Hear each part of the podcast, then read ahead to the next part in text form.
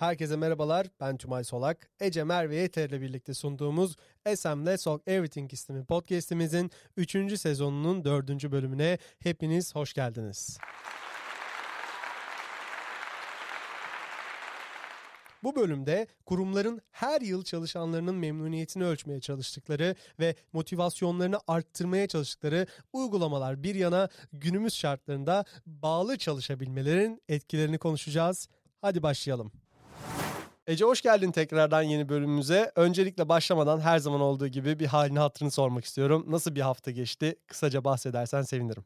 İyiyim, teşekkür ederim. Güzel bir haftaydı, eee, aslında. Havalar da güzeldi. Ya, her ne kadar biz evde olsak da yine de, eee, havanın güzel olması insanı motive ediyor aslında. Sonlara doğru böyle biraz yağmurlu, biraz daha soğuk bir hava oldu ama genel olarak güzel bir haftaydı benim için. Senin için nasıldı? Sen nasılsın? Bu hafta bildiğin üzere ben daha çok evden çalışmaya devam ediyorum ya da evde vakit geçiriyorum diyelim bu sıra. Evet biraz soğuk bir haftayı geride bıraktık ama en azından tam bu bahar geçişlerinde hasta olmamaya gayret ediyorum diyeyim ben de. Yoksa hızlıca açıldık yani hemen şortlar, tişörtler hızlıca dışarıda böyle yürüyüşlere başladık ama biraz çarpıldım gibi hissediyorum. O yüzden biraz Haziran'ı görmeye ihtiyacım varmış gibi sanki. Ama iyiyim, fena bir hafta olmadı. Umarım Haziran'a da daha bomba gibi gireriz diye düşünüyorum. Evet, bu hafta bildiğin üzere çalışan bağlılığıyla alakalı bir sohbet edeceğiz seninle birlikte. İlk olarak ne söylemek istersin? Yani çalışan bağlılığı deyince aklına ilk ne geliyor? Ben onu merak ediyorum. Bence çalışan bağlılığı dediğimiz biraz daha aslında bağlılıktan kastedilen bir çalışanın şirkette ne kadar uzun süre çalıştığı değil bence. Daha çok, hani, kaldığı süre boyunca ne kadar verimli, azimli ve istekli ve motive olarak çalıştığı. Ben bağlılıktan bunu anlıyorum. Yani, buna katılıyorum. Bu arada, yani, mesela uzun süreli şimdi görüyoruz tabii çalışan arkadaşlarımızdan, abilerimizden, ablalarımızdan. Bakıyorsun mesela 10 yıldır aynı şirkette, işte 15 yıldır aynı birimde, departmanda yükselmiş, bir şeyler olmuş ama bu bazen şey gibi hissettiriyor bana, yani 10 yıl boyunca orada kalıp, hani, ne kadar çıktı üretebildin? Yani, bundan aslında konuşalım diye baktığın zaman çoğu zaman insanların rutine binmiş gibi hissediyorum ben. Yani, orada Boyun eee, yani kaldıkları süre boyunca sanki hem öğrenme eğrileri azalıyor hem de çıktı verme noktasında da oradaki frekansları düşmeye başlıyor. O yüzden buna katılıyorum ama yani bağlılık demek başka başka birinin kurumuna nasıl bağlı olabilirsin ki zaten? Benim mesela bunu bunu anlayamıyorum açıkçası ben de. Yani düşünsene başkasının bir kurumu başkasının yatırımı, sen ona bağlı olmak istiyorsun. Açıkçası bu benim çok kafama yatmıyor ya bir yerde. Yani sen ne düşünüyorsun? Yani, benim kafama yatıyor nedense ama tamam başkasının kurumu, başkasının sahibi olduğu bir yer, yani, orada bir çalışansın ama bazı, yani, değerlerin uyuşuyorsa eğer, şirketin değerleriyle senin değerlerin uyuşuyorsa o zaman bir bağlılık kurabiliyorsun bence. İlla o şirketin sahibi olmana gerek yok ki, hani, bağlılık hissedebilmen için. Sanki biraz daha, yani, çalışan bağlılığından kasıt aslında kurumun, işte, hedefleri, faaliyetleri, eee, vizyonu doğrultusunda senin ne kadar örtüştüğünle alakalı olabiliyor o zaman. Sen öyle demeye çalışıyorsun. Yani, eğer ya kurumun yaptıkları, yapacakları seni mutlu ediyorsa ya da heyecanlandırıyorsa o zaman buradaki senin de kuruma olan bağlılığın bir yerde artıyormuş gibi hissettim ben. Aynen öyle. Yani, bu şekilde motive çalışabiliyorsun. O kurumun bir parçası gibi ancak böyle hissedebilirsin.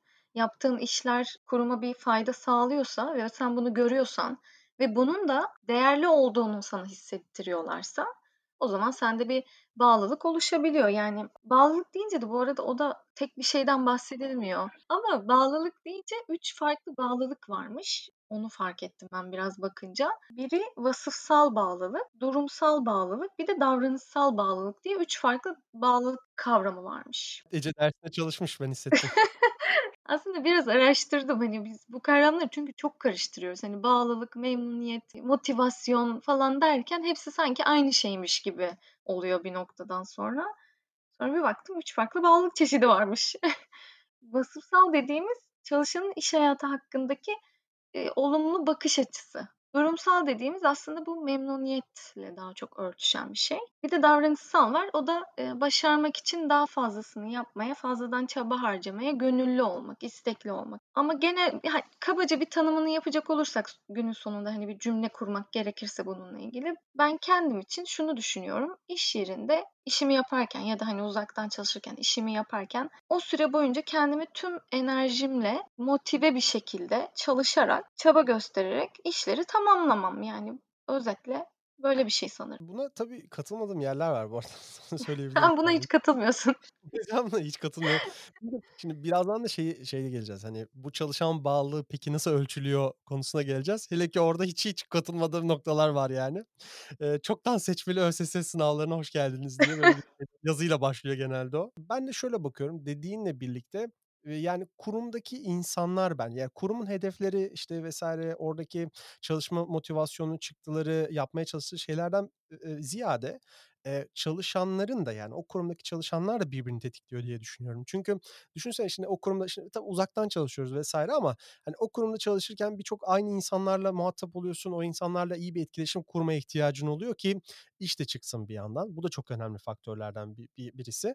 O yüzden de sadece, yani, eee, tabii ki de bu bir servis hizmeti gibi. Yani, ben bir hizmet sunuyorum, karşılığında paramı alıyorum. O yüzden, eee, çok da kuruma, yani, çok şey yapmak gerek yok. Sadece o hizmetimin karşılığını 2 tarafın da eşit şekilde takdir etmesi bence önemli bir yerde ya da yerine getirmesi önemli diye düşünüyorum. Tabii bu benim bakış açım açık açıkçası.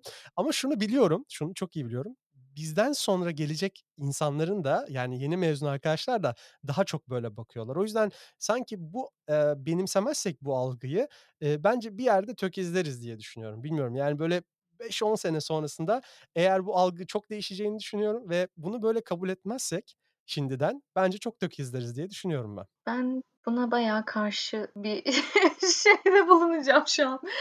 Yani, senin dediğin bir nevi şey gibi oluyor, ne kadar ekmek o kadar köfte, işte, hani.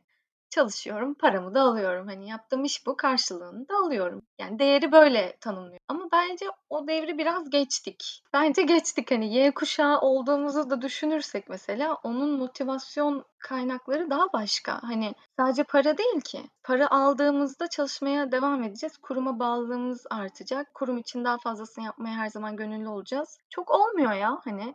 Daha az paraya farklı yerlere giden, insanlar çok fazla. Neden mesela? Bunu da düşünmek lazım. Bunu göz ardı edemeyiz yani. Kesinlikle. Yani, şimdi dediğim gibi insanlar aslında, hani, mad dopamin, yani, dopamin efektli çalışıyorlar ki bence ben de böyleyim. Yani, hani, ne kadar tatmin oluyorsan, ne kadar mutlu oluyorsan, ne kadar takdir görüyorsan orada daha fazla, eee, o bulunma isteğin yaratıyor. Bu da, eee, maddeyle ya da maddi bir durumla ölçülemez açıkçası. Evet, Tamamen çünkü orada hissettiğin kuruma değer kattığın, kurum için bir şey yapıyorsun ve faydalı olduğunu görüyorsun. Ben böyle katılmıyorum. Bu arada bak, şöyle, o duygu kuruma kattığın şey değil, senin o insanlar tarafından, eee, öne ön plana çıkartma hissi bence o. Yani, eğer o insanlar seni ön plana çıkarttığını hissediyorsan orada daha fazla hareketlenmeye başlıyorsun ki orada kalabilmek, daha fazla ön planda olabilmek hissi bence o. Yani, aslında bilmiyorum, tam ben öyle düşünmüyorum senin dediğin gibi. Yani, ya da be bendeki efekt o değil açıkçası. Yani, o kuruma bağlılığımın nedeni kurum hareket ediyor diye ben de onun içerisinde mutluyum diye değil. Kurumun içerisinde ben ön plandaysam orada daha fazla kalıp kendi krallığıma doğru hareket etme çalışan bağlılığını bence arttırıyor bende yani. Yani, ben orada tam tersi düşünüyorum sana kıyasla. Ama söylediğin şey tamam, kendi krallığın okay, hani, istersin elbette ki ama sonuçta senin yaptığın şeylerle de alakalı. Hani, sen değer katacak bir şey yaptığın süre boyunca o kurum için değerlisin. Hani, o kurumda ön plana çıkartılırsın. Karşılıklı yani. Eleştiriyorsun beni. Evet, sen şu noktadan yaklaşıyorsun. Yanlışım varsa düzeltirsin. Kurumda o insan ne kadar ön plana çıkartılıyorsa o kadar, motive çalışır, daha fazlasını yapmaya gönüllü olur. Ama bu biraz da cycle gibi yani. Hani, bunu yaparsan ön plana çıkarılsın, ön plana çıkarılsan daha fazlasını yaparsın, daha fazlasını yaparsan ön plana çıkarılsın. Ama, hani, bunun istediğin yerden, şeyden başlayamazsın yani. Ön plana çıkarıldım, daha fazlasını yapmalıyım. Başlangıç noktası o değil. Ama şöyle düşün, bu şeyi yakalayan, bu loop'u dışarıdan bakan ve özellikle kurum sahibi bunu fark ediyorsa bu şekilde tüm çalışanları zaman zaman ön plana çıkartarak aslında, eee, cebindeki maddi, yani, d gideri arttırmadan kurumun verimliliğini de arttırabilir. Yani, bu aslında nasıl bir şey biliyor musun? Çalışanların, hani, çalışanları, yani, bayağı insan kullanmak gibi. Yani, insanların karakterini çözüp ona göre hareket ettirirsen onları maksimum verim alabilirsin. Eğer bendeki maksimum verim böyle ortaya çıkıyorsa ve ben bunu karşı tarafa hissettirirsem, eee, o bu onu kullanır, tamam mı? Ve bunu kullandıkça aslında kim kazanır? Ben kazanmam. Ben kazanmış gibi hissederim ama aslında kurum sahibi daha fazla kazanır diye düşünüyorum. O yüzden ya bilmiyorum ben boş bak şuraya gelebiliriz konuya. İnsanlar hakikaten yeni nesille birlikte çeşit çeşit geliyorlar ve bence daha fazla işte kurumun hedefi bu. Buraya gitmeliyizden yola çıkmak bence artık doğru değil. Bence insanları yani çalıştığı insanları tanıyıp tek tek onları daha nasıl verimli kullanabiliriz'i çözüp o şekilde hareket ettirmek bence kurumun da, eee, sürdürülebilirliğini arttırıyor. Çalışanların da o kurumdaki sürdürülebilirliğini arttırıyor diye düşünüyorum. Yani şey çalışmıyor artık. Yani ben şöyle bir şeye inanıyorum. İşte hedefimiz bu, buraya gideceğiz. E, peki ama o senin hedefin. Yani o hedef benim değil ki. Nasıl kabul edeceğim bu hedefi ben? Bu kabul edilemez bir şey benim açımdan Ececiğim. Onu söyleyeyim yani. Şu dediğine katılıyorum. Hedef koyduk, işte, haydi arkadaşlar hep beraber bu hedefe doğru falan. Hani, böyle bir motivasyon şekli artık tamam, hani, çok yok. Evet, her insan farklı. Her insana farklı yaklaşıp, eee, onu anlayıp onu ona göre motive etmek gerekiyor yani. Ona katılıyorum. Herkesin bağlılık, eee, kriterleri farklıdır ama belli başlı şeyler de var yani bakınca. Şunu söyleyebilirsin mesela, şirketlerde, hani, hep böyle yöneticiler, işte, patronlar neyse, eee, hep şikâyet eder ya bu konudan. Yetiştiriyoruz gidiyor, yetiştiriyoruz gidiyor falan. Klasik hani. Ama bu konuda da hiçbir şey yapmazlar mesela. İşte bak, niye yapsın ki? O orası onun değil ki, o kurum onun değil ki. Niye yapsın ki? Yani o da sonuçta bir çalışan. Tamam, o da bir çalışan, yani yönetici de bir çalışan ama sonuçta yöneticinin başarısı çalıştırdığı insanların bağlılığı ve, işte, motivasyonundan da geçiyor. Şu olabilir, şuraya gelebiliriz. Ben bu arada şeyi de konuşmak istiyorum. Yani şu çoktan seçmeli bağlılık, eee, anketleri var ya, onu da bir konuşmak istiyorum açıkçası. Çünkü, eee, çok saçma ama, eee, yani bence bağlılık değil, çalışan memnuniyeti demek lazım. Yani çalışan burada olmaktan ne kadar memnun? Yani bağlı olmak bir tık şey gibi, kelime anlamı da, eee, hani, olumlu gibi durmuyor ya. Pasif agresif bir kelime gibi yani bağlı olmak. Hani, ba bağımlı demeyelim de bence kelime olarak doğru bir şey değil ya. Çalışan memnuniyeti bence daha doğru. Çalışan memnuniyeti bence daha doğru değil. Yani çalışan memnuniyeti dediğimde ben şunu anlıyorum. Çalıştığım yerden memnunum. Hani memnuniyet deyince bana daha pasif geliyor mesela. Memnunum. İyi böyle ya, gidiyoruz işte. Hani yuvarlanıp gidiyoruz falan. Hatta bazı çalışmalarda mesela, şimdi çalışmanın adını hatırlamıyorum ama şunu fark etmişler. Çalışanlar ne kadar uzun süre çalışırsa o kadar memnun oluyorlarmış aslında. Memnun olduğu için orada çalışıyor. Başkalarına da, hani, burada çalışmaları için, eee, ön ayak olabiliyorlar ama performansları daha düşük. Bu arada ben bir kurumda çok fazla böyle yıllarca çalışan insanlar varsa o kurumda biraz korkmaya başlıyorum. Çünkü neden biliyor musun? Yani bunlar acaba yani bir bir kere bir insanın sıkılma eşiği ne kadar yüksek olabilir, anladın mı? Yani sıkılmama yani bu kadar yıl nasıl aynı yere gidip gelebilirsin? Yani birazcık eğer ben bunu hissetmiyorsam, eee, o aynı insanlarla bir arada olmak beni çok mutlu edeceğini düşünmüyorum mesela. Böyle bir kafamda bir ön yargı var benim. İşte memnuniyet deyince bu oluyor ama. O yüzden biraz daha farklı bir me mesele var yani orada. Bazı kurumlara bakarsın mesela, insanlar, hani, çalışma süreleri çok uzun değildir. Ortalama çalışma süresi, işte, 2-3 yıldır mesela ama kurum çok başarılı işler yapmıştır. E, neden? Çünkü orada çalışan daha verimli, daha motive çalışarak aslında yüksek bağlılıkla, hani, çalışarak güzel şeyler ortaya çıkartmıştır. Ama memnuniyet deyince ben bunu anlamıyorum. Memnuniyet deyince bulunduğun durumdan memnunsun. Okay, o kadar. Bitti. Nokta.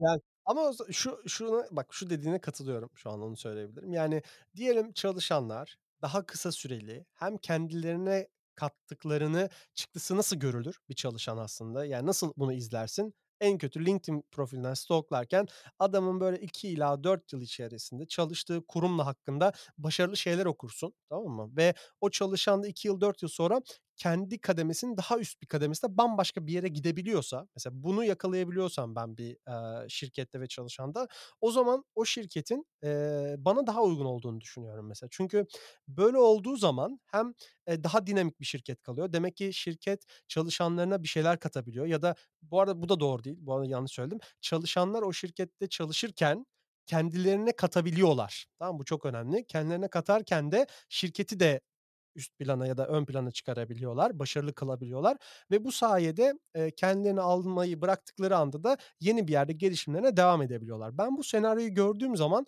eee, o şirkette bir ışık var. Yani sanki bana daha yakın olduğunu hissediyorum ve o çalış o şirketin çalışan bağlılığını yılla değil, özellikle çıktılarla ölçüldüğünü düşünüyorum. O yüzden de burası benim açımdan daha, eee, konfor alanım gibi hissediyorum. Yani, aslında sen şöyle bakıyorsun anladığım kadarıyla. Eee, şirkette benim kendimi geliştirmeme olanak sağlanıyor mu? Bu senin için bağlılık kriterlerinden Benim açımdan en önemlisi. Yani kendimi geliştirebiliyorsam, kendi oyun alanımı yaratabiliyorsam ve, eee, bir sonraki step için kendimi orada hazırlayabiliyorsam, eee, orası beni açıkçası çalışan bağlılığı noktasında, eee, anketler yapmasam da, eee, çok mutlu ediyor açıkçası. Onu söyleyebilirim yani. Ya, bu kesinlikle çok önemli. Ben de buna çok önem veriyorum. Yani, şunu görmek istiyorsun, eğer genel olarak, hani, çalışkan ve motive bir insansan aslında işini yaparken zaten motivesin, zaten yapıyorsun ama bir sonraki adımı da görmek istiyorsun. Çünkü sen motivasyonunu da o şekilde sağlıyorsun. Nereye gideceğim? Bir sonraki adım ne? Bu şey demek değil, hani, şu anki adımda motive çalışmıyorum demek değil. Aksine daha çok motivasyonunu arttırıyor aslında. Bak şuraya gideceğim, ufuk orada, görüyorum yani. Çok önemli. Katılıyorum kesinlikle. Bir de şunu konuşmak gerekirse eğer, şimdi podcast'in başından da bahsediyorum. Nasıl ölçülüyor? Bu ölçülme metodolojileri, çalışan bağlılığını ölçme metodolojileri sence doğru mu diye. Açıkçası yani, eee, herhâlde, eee, 4-5 farklı değerlendirme süreci görmüşümdür kariyerimde. Burada baktığın zaman böyle çok komik şeylerle karşılaşabiliyorsun. İşte, çalışanlar, işte, ne kadar tavs baş şöyle şey sorular var, bunu hatırladım şu anda. İşte, kurumunuzu başkasına tavsiye eder misiniz? İşte, acaba paradan mı dolayı buradasınız yoksa neden dolayı buradasınız diye böyle saçma sapan soruların olduğu, o soruların değerlendirme Bu arada anket sonuçlarını da gördüğüm zamanlar oldu benim. Mesela bazen departmanlara bakıyorsun, hepsi mesela 100 çekmiş, tamam mı depar yani ve gerçekçi olmayan sonuçlarla kurumlar bir de şeyin havasını atıyorlar. Bizim çalışan bağlılığımız sektörün ortalamasında işte %10 fazla, işte ne bileyim %80 çıktı falan. Ya bu çok bana hem komik geliyor, ya bunun havasını atmak bile, eee, çok komik geliyor. Bilmiyorum sen ne düşünüyorsun bu konuda? Anket benim genel olarak böyle çok soğuk bulduğum bir olay aslında. Tamam, anket de yapılsın, tamam yapılsın. Hani bir şeyleri anlamak için evet, bazı sorulara ve cevaplara ihtiyaç var. Bir analize ihtiyaç var şirket genelinde ama, e, zaten bütün çalışanların bağlı olduğu bir yönetici var. Neden daha insani bir şekilde ilerletmiyoruz bu süreci? Ben onu anlamıyorum mesela. E, şunu da anlamıyorum.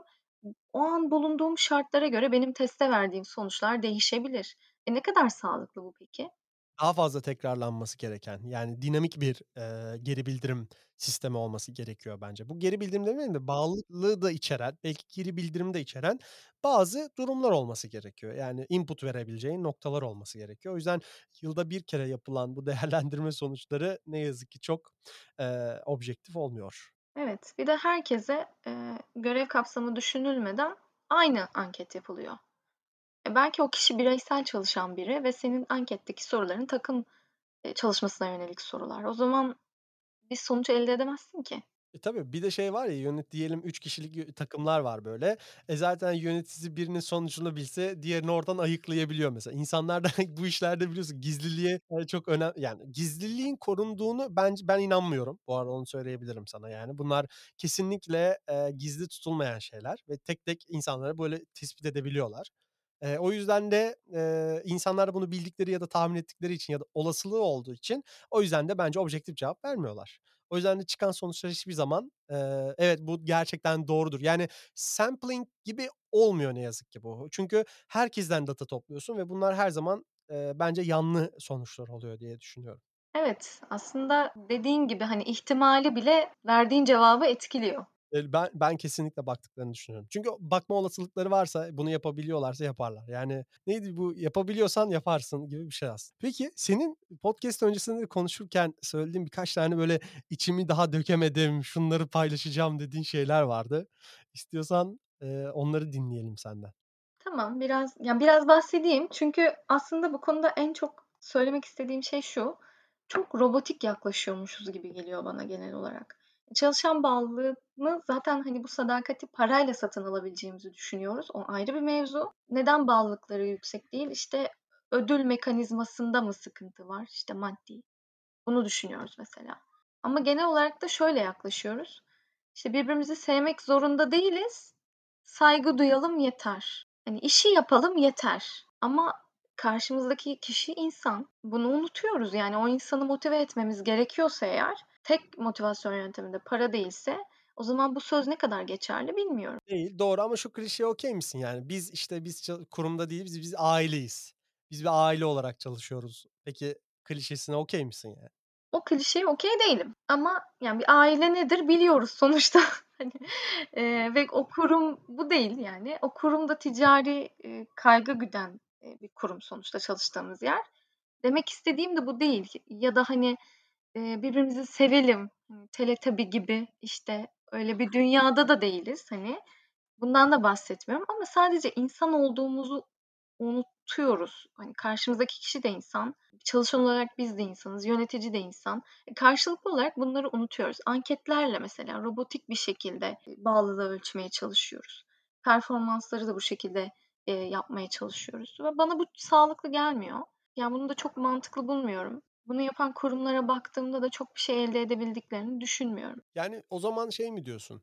Eee, kurumlardaki hem çalışanlar açısından hem de kurumun verimliliğini arttırmanın bir yolu, insan olduğunu unutmamak, insan odaklı yaklaşımlar benimsemek ve burada da hiçbir zaman, hani, önceliğin insanların motivasyonunu düşünmek olduğunu söylüyorsun. Peki, sence bu yaklaşım verimliliği uzun vadede arttırır mı?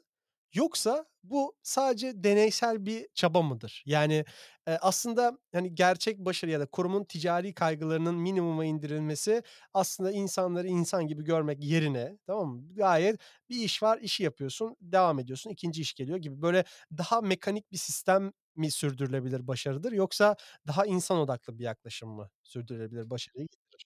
Kesinlikle, kesinlikle insan odaklı bir yaklaşım. Eee, bu benim görüşüm. Ben öyle düşünüyorum yani. Hani, robot değiliz ki robotik bir yaklaşımla başarıya ulaşalım. Yani o bir yere kadar. O zaman da insanları zaten robot gibi görürsek bir noktadan sonra o yükü kaldıramayıp, yani robot bozulunca o robotu atarız. Yenisi gelir. Atarız, yenisi gelir. E, böyle kurumlar ne kadar başarılı olabilir ki? Buna katılıyorum bu arada. Yani, kesinlikle insan odaklı yaklaşmıyorsan, eee, kurumların sürdürülebilir başarısını sağlayamayacağını düşünüyorum açıkçası. Bir de kurumu kurum yapan insanlar zaten baktığın zaman. Yani, o yüzden o kurum kültürünü oluşturan oradaki insanlar. O insanların kültürü kurumun kültürüne yansıyor ve biliyorsun ki kurumun kültürünü değiştirmek de çok zahmetli bir konu. Yani, çünkü o çalışanların bakış açılarını değiştirmek demek bir yandan. O yüzden de biliyorsun ön yargıları ve yargıları buradaki değiştirmek kolay bir süreç değil insanlar açısından. O yüzden de, eee, yani, nasıl söyleyeyim sana? Herkesin tabii ki de inişler ve çıkışları olabiliyor kendi özel hayatlarında ve çalışma hayatlarında. O yüzden bunu daha az yansıtacakları ve, eee, o kurumda kendilerini mutlu hissedebilecekleri, huzurlu hissedebilecek başarılı hissedebilecekleri ya da neyse, işte, yani, soyut anlamda, soyut skill'lerini burada tatmin edebilecekleri belli bir eşikte tutmaları bence çok önemli. Yani, bence o olay o. Yani, belli bir eşikte dalgalanması gerekiyor. Eğer çok fazla inişler çıkışlar oluyorsa bence orada da, eee, başarılı olması zor sürdürülebilir anlamda ama o eşikte tutabilecekleri bir ortam yaratmak lazım. Bu da açıkçası, böyle, hani, yarından bugüne olabilecek bir şey değil. Hakikaten, eee, en başta, işte, kurumların sahiplerinin, sonra yöneticilerinin doğru insanları işe alıyor olmaları çok önemli. Bir araya getiriyor olmaları çok önemli. Çünkü başarı orada çıkıyor bence. Yani, en en büyük, bence en zor, eee, süreç bir insanı o iş şirkete alabilmek. Eee, yoksa ona iş yaptırabilmek değil bence, eee, diye düşünüyorum. Ben bu konuda pek öyle düşünmüyorum. Bence ya, işe alırsın, hani, alabilirsin. O o süreç bence o kadar da zor olmayabilir. Evet, aslında zor olmalı normalde. Belli başlı değerlendirme kriterleri olmalı. Ona göre almalısın. Hani, düşünmelisin, taşınmalısın. Gerçekten, hani, değerli ve zor bir süreç olması gerekiyor ama bizde pek öyle işlemiyor ya, hani. İşe yani çalışan bağlılığı dediğin de zaten şu noktada ortaya çık çıkıyor aslında, problem oluyor daha doğrusu. Çalışanı işe alıyorsun. Evet, belki çok doğru insanı işe alıyorsun ama belki kurum kültürüne uygun olmuyor. Kurum kültürünü göz ardı ediyorsun ya da o şirketteki yöneticiler, eee, gerçekten doğru insanlar değil. O da olabiliyor. Yani doğru insanları, eee, bir araya getirmek de yeterli olmayabiliyor. Hani, doğru insanları işe almak. Tamam, bir noktadan sonra doğru insanları işe alıp kurum kültürünü değiştirmeye çalışabilirsin. O da olabilir de Yani en zor süreç bence çalışanı işe aldıktan sonra başlıyor. Burada ben bunu mesela kabul etmem. Burada ben böyle düşünmüyorum. Çünkü neden? Aslında diyelim çalışanlar şu anda direkt ne yapıyor? Şirkete diyelim işte belli mülakatlardan sonra onboard oluyor ve, eee, sen zannediyorsun ki evet, benim açımdan burası iyi bir yer. Karşılıklı olarak birbirimizi tarttık, ölçtük ve işte 3 görüşmeyle yaklaşık olarak yarım saatten 1,5 saatte biz okayiz karşılıklı olarak. Ben de buna mesela katılmıyorum. Şimdi şey gibi, evlilik öncesi bir arada yaşamak gibi düşünürsek bunu, bence çalışanlar da kurumlarla onboard öncesinde belki kısa dönem bir projede çalışabilirler. Proje bazlı yer alabilirler. Kontrat base yer alabilirler ve bu aslında şeyi getirir biraz da. Hani düşünsene daha o kurumda değilsin ama böyle çok limited bir şekilde onlarla iletişim kuruyorsun, iş yapıyorsun, iş yapış biçimini görüyorlar. Ne kadar diyalog kurmaya başlıyorsun. Belki o proje yaklaşık 3 ay sürüyor. Çok uzun değil ama gene mesela her hafta 1 saat onlarla birlikte olmaktan ayda 4 saat, 3 ayda 12 saat demektir. Şimdi sen bir insanı 1,5 saatte mi tanıyabilirsin yoksa o 12 saat içerisinde belki aralarda telefon görüşmelerine vs. böyle bir projeyi tamamlama sürecinde de daha fazla süre tanıyarak ona bence daha iyi tanıyabilirsin diye düşünüyorum. O yüzden de mesela ben şirketlerin şu anki mevcut işe alım süreçlerinin turnover'larını ne yazık ki negatif etkilediğini düşünüyorum. Hem de bu çalışan bağlılığını da etkiliyor bence baktığın zaman. Mevcut kurum içerisindeki çalışanları da etkileyen bir durum. O yüzden bence eğer çalışan bağlılığını kurumlar arttırmak ve sürdürülebilir başarı yakalamak istiyorlarsa bence işe alım süreçlerinin ni daha dinamik ve değişik yapmaları gerektiğini düşünüyorum açıkçası. Buna katılıyorum. Katılmakla birlikte, hani, derler ya, "Aynı evde yaşamadan anlaşılmıyor." diye. Öyle bir durum da olabilir. Yani bu işler pek belli olmaz gibi geliyor. Okay. O zaman toparlamak gerekirse benim daha ekstra söylemek istediğim bir şey yok ama, eee, senin eklemek istediklerin ya da paylaşmak istediklerin varsa, eee, sözü sana bırakayım. Sonrasında podcast'imizi kapatalım. Aslında çalışan bağlılığı çok geniş bir konu bence. Uzmanlık da gerektiren bir konu, eee, anketlerden de öte. Biz böyle, hani, kabaca konuştuk biraz. Genel çerçevede konuştuk. Benim eklemek istediğim birkaç şey var. Çalışan bağlılığı dediğimiz sadece paradan ibaret değildir ya da kendini geliştirmesine izin veriyoruzdur ama bu da yetmez. Ya, bazı şeyler yetmeyebilir ama temelde gerçekten karşımızdaki kişinin insan olduğunu unutmamamız gerekiyor. O bir insan, robot değil. Onda güven yaratmalıyız. Eee, ama bir sevgi, saygı olması gerekiyor ve bence o kişiyle de ilgilenmek de gerekiyor. Yani çalışanlar birbirleriyle de, eee, yöneticiler de çalışanlarıyla ilgilenmeli. Çünkü o insan hayatında neler oluyor, hayatı nasıl gidiyor, onun hayatıyla gerçekten, hani, gönülden bir ilgi olması gerekiyor. E, bağlılık dediğimiz gönülden gelen bir şey zaten. Ben böyle düşünüyorum. Tek ekleyeceğim bu aslında. Bu yayında da herhâlde biz birbirimizi kabul etmedik.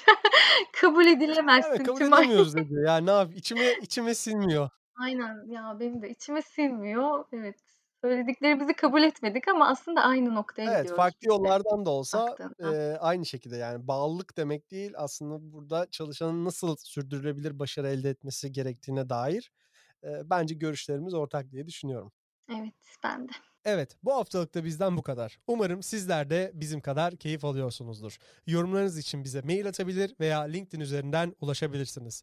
Ayrıca bölümün açıklamalarında yer alan SpeakPipe platformu üzerinden de sesli sorularınızı bize iletebilirsiniz. Gelecek hafta yeni bir bölümde görüşmek dileğiyle, hoşça kalın.